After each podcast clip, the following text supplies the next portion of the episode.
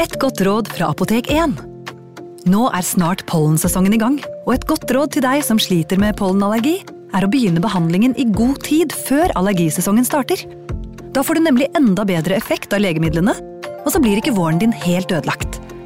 Kom innom og få råd på ditt nærmeste Apotek 1, eller chat med oss på apotek1.no. Apotek 1 vår kunnskap, din trygghet.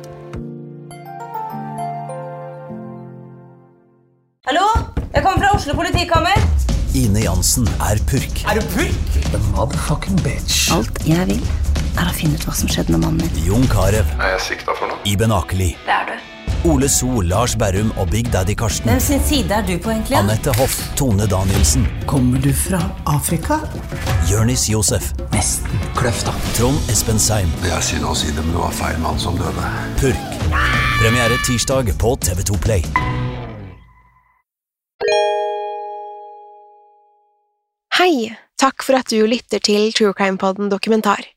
Skulle du ønske at du kunne høre en ny episode av denne podkasten hver eneste uke? Vel, da er det bare å laste ned podkastappen Untold med en gang. I tillegg til ukentlige episoder av podkaster som Skrekkpodden, Synderne og True Crime Podden, får du masse annet reklamefritt og eksklusivt innhold. Last ned Untold i AppStore eller Google Play, og start din 30 dagers prøveperiode i dag. you.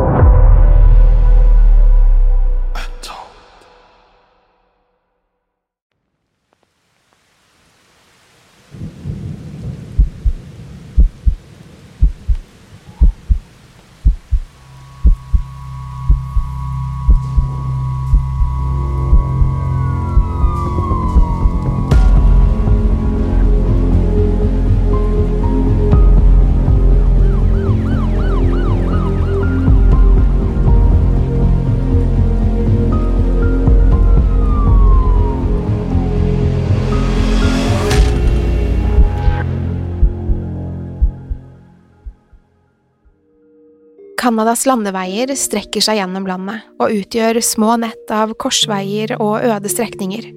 Hver eneste en av dem har sin egen historie. Canada er et vakkert land med store naturområder som ville fått de fleste til å måpe. Snødekte fjelltopper, dype skoger, elver og innsjøer gjør villmarken til et populært turområde. Disse lange strekkene med ødemark er også hjem for Canadas yrende dyreliv. Det er gjennom disse naturperlene at mange av landets lengste veier strekker seg.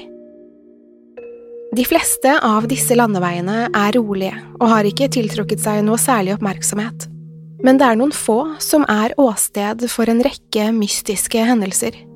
Forsvinninger, drap og ulykker som ingen ser ut til å finne en løsning på. En av disse er Highway 16, som strekker seg fra storbyen Prince George til kystbyen Prince Rupert i British Columbia på Canadas vestkyst. Landeveien snor seg gjennom noe av den vakreste naturen Canada har å by på. En uvitende bilist ville neppe sett seg rundt og tenkt på området som noe annet enn et paradis. Men landeveien har i virkeligheten vært åsted for over 70 drap bortføringer og uforklarlige dødsfall. Hendelser som strekker seg fra 1970-tallet og helt frem til i dag. Det som gjør det hele så spesielt, er at ofrene som regel er unge kvinner med urfolksbakgrunn. På grunn av alle hendelsene langs Highway 16 har landeveien fått et nytt navn på folkemunne. Veien er omdøpt til Highway of Tears, tårenes landevei. Det reflekterer savnet etter de mange ofrene som har mistet livet eller forsvunnet langs den beryktede veien. I denne sesongen av True Crime Podden dokumentar skal vi se nærmere på de mystiske forsvinningene og drapene som har foregått langs Highway of Tears. Vi skal fortelle historien om de siste timene til mange av de over 70 ofrene. Vi skal også se på hvordan disse bortføringene og mordene er blitt etterforsket, og hvem som er sett på som mulige mistenkte. Highway 16 strekker seg gjennom flere byer og småsteder på vei mellom Prince George og Prince Rupert. Flere av disse er å regne som reservater for Canadas urbefolkning. Opp gjennom tidene har urbefolkningen i Amerika blitt flyttet på og organisert etter ordre fra myndighetene. Et tiltak som ble påstått å være for å sikre urfolkenes kultur, har vært å avgrense visse områder til befolkningen. Disse reservatene har i virkeligheten blitt rammet av stor fattigdom og har blitt sviktet av myndighetene. Et av problemene disse reservatene har hatt, er mangelen på offentlig transport. Avstandene mellom byene er enorme, og på grunn av fattigdommen er det mange som ikke har råd til egen bil. For å komme seg til jobb har mange derfor måttet ty til haiking langs landeveiene. Som i de fleste andre land kan haiking være et farlig spill både for fører og passasjer. Man kan aldri være helt sikker på hvem man sitter i bilen sammen med. Men når det offentlige transporttilbudet ikke er til å stole på, har mange ikke annet valg enn å legge skjebnen sin i hendene på en fremmed sjåfør. Dette har ført til en rekke forsvinninger og drap langs landeveiene, og spesielt langs Highway 16. En av de aller første sakene som ble rapportert langs Highway of Tears, var Tracy Cliftons forsvinning. Det finnes ingen nøyaktig dato for denne hendelsen. Likevel er det sannsynlig at hun ble borte tidlig i 1970 fra byen Prince Rupert. Tracy hadde havnet i en stor krangel med moren sin. Da de ikke klarte å bli enige, hadde Tracy stormet ut og smelt døren igjen bak seg. Familien bodde like i nærheten av Highway 16, og det var her Tracy bestemte seg for å lufte hodet. Moren hennes så henne trampe nedover landeveien, men det var også siste gang noen så Tracy. I oktober 1970 forsvant 17 år gamle Helen Claire Frost sporløst langs landeveien i Prince George. Til tross for sin unge alder hadde Helen allerede levd et tøft liv. Det siste året hadde hun vært gravid med kjærestens barn. Men da barnet kom, ble hun tvunget til å adoptere det bort. Kjæresten ville ikke ha noe mer med henne å gjøre etter dette, så hun flyttet inn med søsteren sin Sandy. Sandy var også nylig blitt mor, og hun hadde dermed et lite barn i leiligheten sin. Dette ble en konstant påminnelse for Helen om barnet hun hadde måttet gi bort. En kveld i oktober 1970 hadde søsterens baby vært veldig urolig. Uansett hvor mye søstrene vugget barnet, ville det ikke slutte å gråte. Til slutt klarte ikke Helen mer, og sa hun trengte luft. Hun ville gå en tur for å klarne hodet, og sa ha det til Sandy. Leiligheten deres lå bare noen kvartaler unna der landeveien strakte seg gjennom byen. Helen ble aldri sett igjen etter den kvelden. Hun ble meldt savnet to dager senere av søsteren. Hun hadde ikke reagert tidligere, for hun regnet med at Helen hadde reist til en venninne. Da Sandy ikke hadde hørt noe på to dager, ble hun bekymret.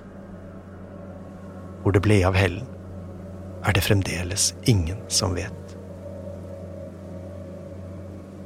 Highway 16 strekker seg gjennom flere byer og småsteder. Men mest av alt snor den seg gjennom øde skogsområder.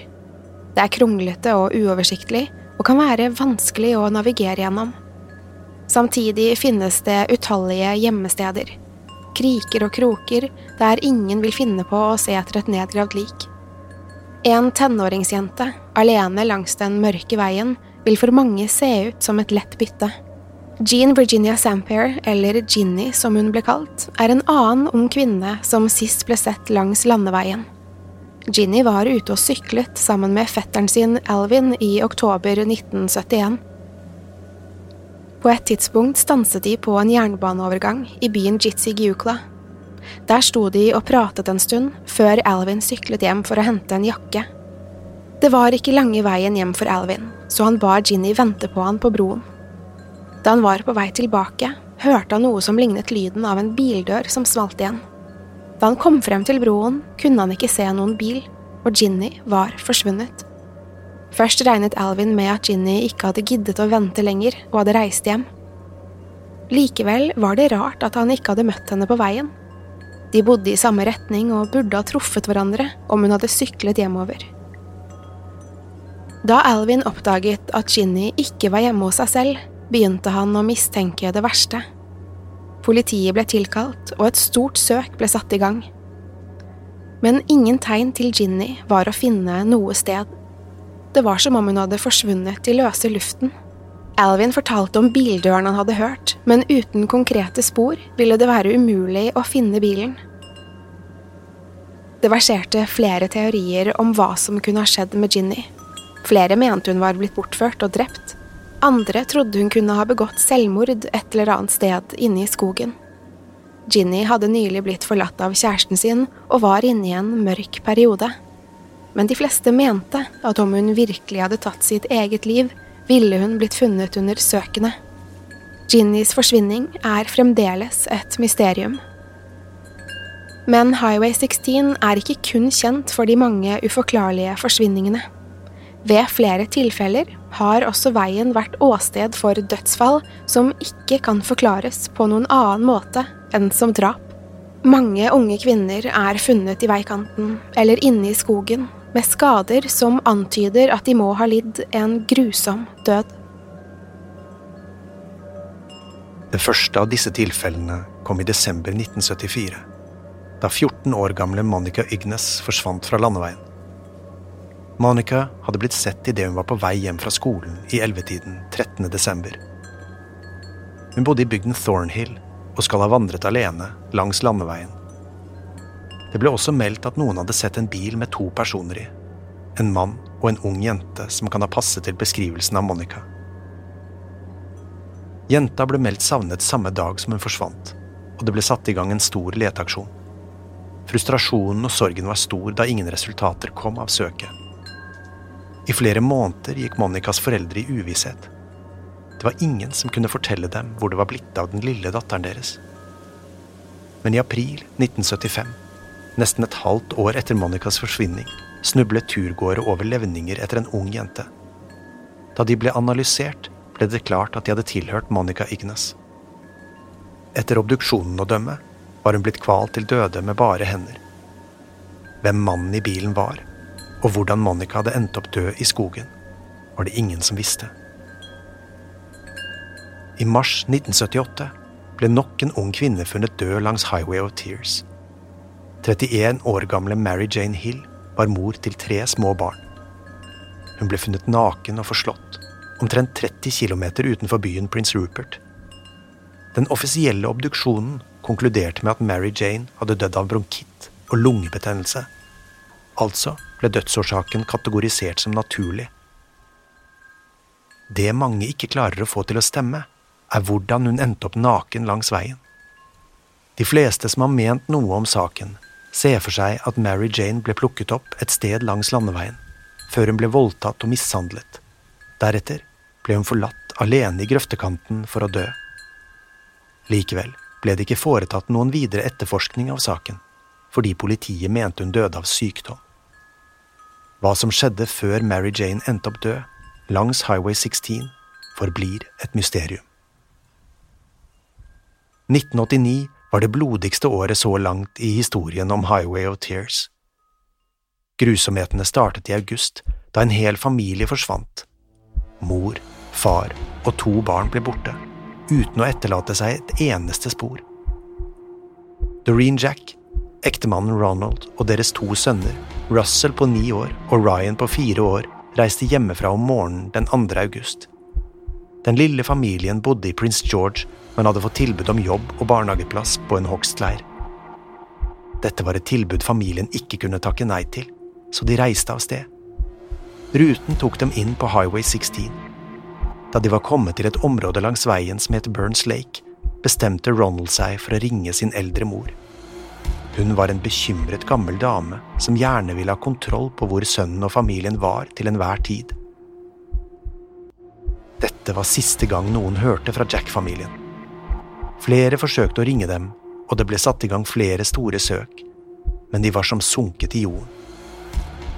Hva som egentlig skjedde med Doreen, Ronald og de to sønnene, er fremdeles uvisst, og de forblir savnet den dag i dag.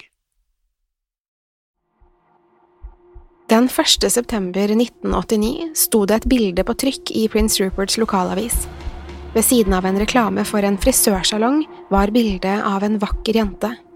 Hun smilte, men ikke et stort og hjertelig smil. Det kunne se ut som hun var på vei til å le av en dårlig vits.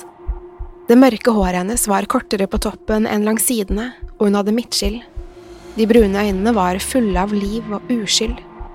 Rett over bildet sto det Savnet. Jentas navn var Alberta Gale Williams. Alberta hadde vært ute på puben Popeyes i Prince Rupert en kveld i august 1989. Hun var sammen med søsteren Claudia og flere andre venner. Alberta hadde gledet seg veldig til denne kvelden. Både hun og Claudia hadde nettopp fått lønning og var ute for å feire. Alberta hadde pyntet seg opp med en pen, blå genser, svarte bukser og lette sko. Hun hadde fortalt søsteren at hun ville danse hele kvelden og endelig slippe å tenke på jobb. Claudia kjente ikke like mange der som det Alberta gjorde, og valgte derfor å mingle med andre gjester på puben. I tillegg hadde Claudia med seg kjæresten sin, så hun kjedet seg ikke. Langt på natt, da det nærmet seg stengetid, hadde Alberta plutselig ropt på Claudia. Claudia hadde snudd seg til søsteren, som fortalte at de skulle videre på en hjemmefest. Et øyeblikk ble Claudia distrahert av kjæresten sin, som forsøkte å fortelle henne noe. Da hun snudde seg tilbake, kun noen sekunder senere, var Alberta forsvunnet sammen med resten av vennene. Claudia lette overalt, men kunne ikke finne søsteren. Hun ropte ut i mørket, men fikk ikke noe svar. Det var som Alberta var blitt løftet ut av virkeligheten, uten et eneste spor. Det var siste gang Claudia så søsteren i live. Hun fikk aldri vite om Alberta reiste på festen, eller hva som skjedde etter at hun forsvant fra puben. I begynnelsen av september 1989 ble rester av klær funnet i en busk ved ferjeleiet i Prince Rupert. Klærne passet til beskrivelsen av det Alberta hadde på seg den kvelden. Likevel ble det ikke koblet til saken før lenge etterpå, trolig fordi Albertas lik ikke var blitt funnet. De skal ha blitt tatt med av politiet, som destruerte dem. Litt under en måned senere ble Albertas nakne lik funnet over 30 km unna Prince Rupert. Hun var blitt seksuelt misbrukt og kvalt til døde. I ettertid forsøkte Claudia og resten av familien å gjøre egne undersøkelser i saken. De følte politiet ikke gjorde nok for å finne ut hva som hadde skjedd. Helt siden 1989 har Claudia kjempet for å få rettferdighet for søsteren. Selv om familien mener de vet hvem som drepte henne, finnes det ikke nok bevis for å få personen dømt. Enn så lenge er konklusjonen at Alberta Williams ble drept av en ukjent gjerningsmann. Enda en jente skulle forsvinne før året var omme. I oktober ble 15 år gamle Cecilia Ann Nicol borte fra byen Smithers, omtrent midt mellom Prince George og Prince Rupert. Noen rapporter sier at hun forsvant langs Highway 16, og at det var der hun sist ble observert. Andre mener hun kan ha stukket av, og at hun sist ble sett i Vancouver. Det var Vancouver-sporet som offisielt ble rapportert i politiets logger. Siden har hun aldri blitt sett.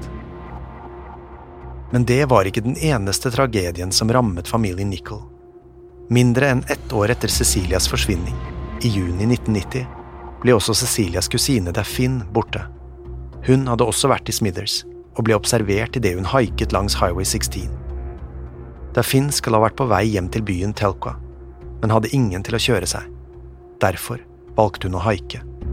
Omtrent klokken ti på kvelden skal hun ha ringt onkelen sin og fortalt at hun var på vei hjem. Det var uklart om hun allerede hadde funnet noen å sitte på med, eller om hun fremdeles sto langs veien. Det var vennene hennes som hun hadde besøkt i Smithers, som var de siste som så henne.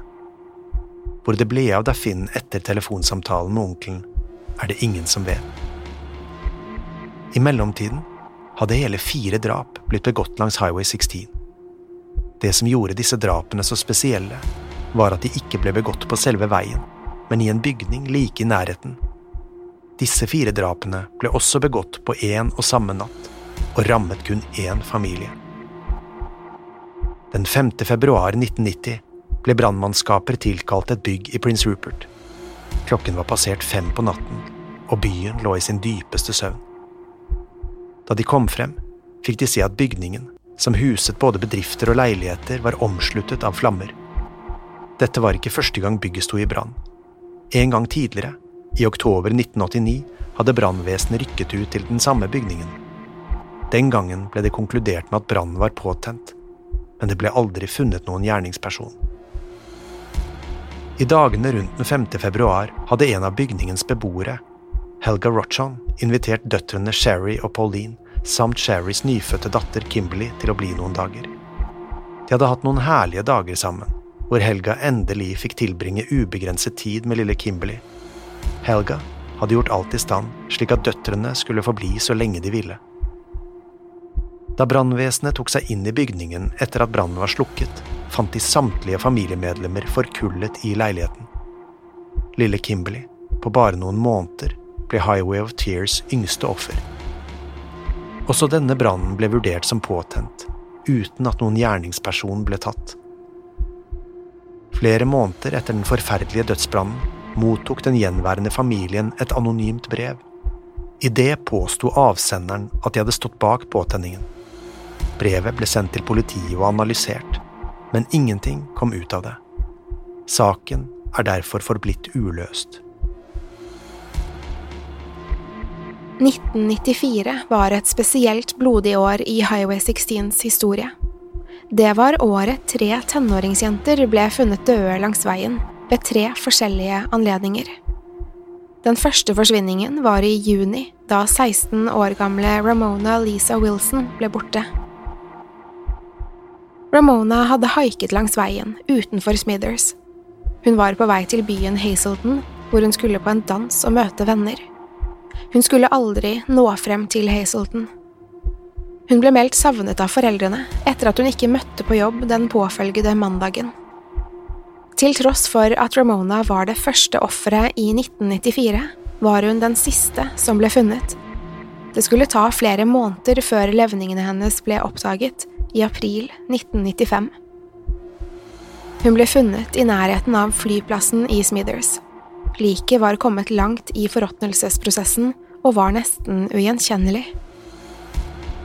Etterforskernes første hint om at det faktisk var Ramona Wilson, var en liten haug med flere av eiendelene hennes like bortenfor levningene.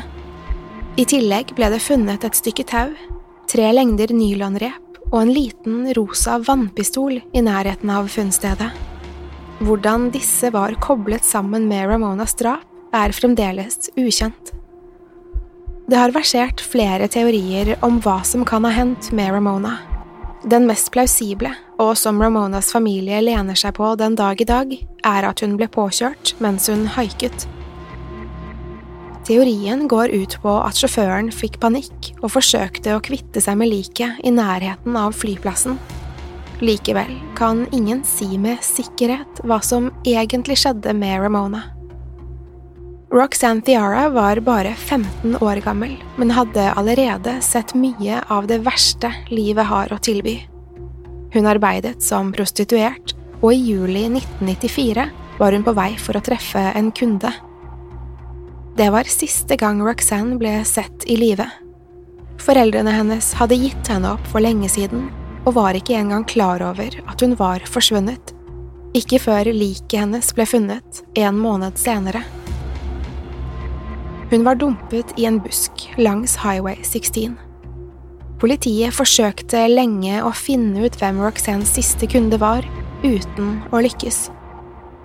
Sannsynligheten er stor for at denne personen vet hva som hendte med henne, og hvordan hun endte opp død. Alicia Germain var en bekjent av Roxanne. Hun var også 15 år gammel og tjente til livets opphold ved å selge sex i desember 1994 ble også hun borte. Det som gjorde Alishas død så spesiell, var at hun ble funnet kun timer etter å ha blitt drept. Mens andre ofre langs Highway 16 hadde tid til å brytes ned i den ville naturen, var Alishas lik for det meste bevart. Hun var blitt dumpet utenfor en barneskole langs veien. Verken Roxanne eller Alishas drap er noen gang blitt oppklart og forblir et mysterium den dag i dag. I oktober 1995 forsvant nok en ung kvinne. 19 år gamle Lana Derrick ble sist sett i nærheten av en bensinstasjon i Thornhill. Ifølge vitner skal Lana ha klatret inn i en bil med to ukjente menn. Det sies at hun skal ha haiket for å komme seg til foreldrenes hus, men ingen vet sikkert hva Lana gjorde ved bensinstasjonen den kvelden. Det finnes ingen svar på hva som egentlig skjedde med henne, for det er ingen som har sett henne siden. Den siste uoppklarte saken før 1999 ble til 2000, var drapet på 18 år gamle Monica Mackay. Hun sies også å ha haiket langs veien i slutten av desember. Monica ble observert av vennene sine like før midnatt på nyttårsaften. Det var siste gang hun ble sett i live. Hun ble meldt savnet to dager senere, men ble ikke funnet før det var gått åtte dager. Hennes nakne og nedbrutte lik var dumpet i nærheten av en søppelplass i Prince Rupert, men ingen vet hvordan hun havnet der, eller hva som skjedde etter at vennene gikk fra henne den natten. Fra 70-tallet og frem til slutten av 90-tallet var det en rekke uløste saker langs Highway 16. Et flertall av dem var drap og forsvinninger der kvinner med urfolksbakgrunn var involvert. På grunn av opphavet til kvinnene var det flere som mente at disse drapene og forsvinningene hadde et rasistisk motiv. Det var også flere saker som ble oppklart. Kanskje svaret på hvem som sto bak de uløste sakene, fantes i disse.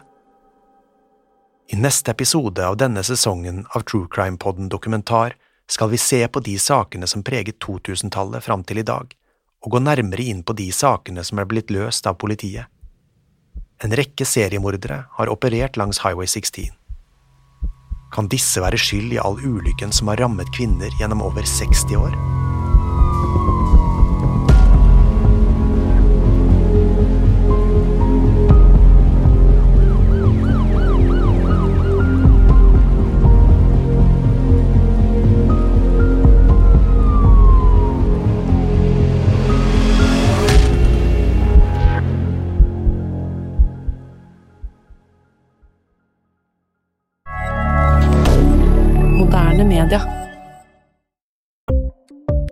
Ukens annonsør er Folio, en smartere banktjeneste for deg som har en egen bedrift eller ønsker å starte for deg selv.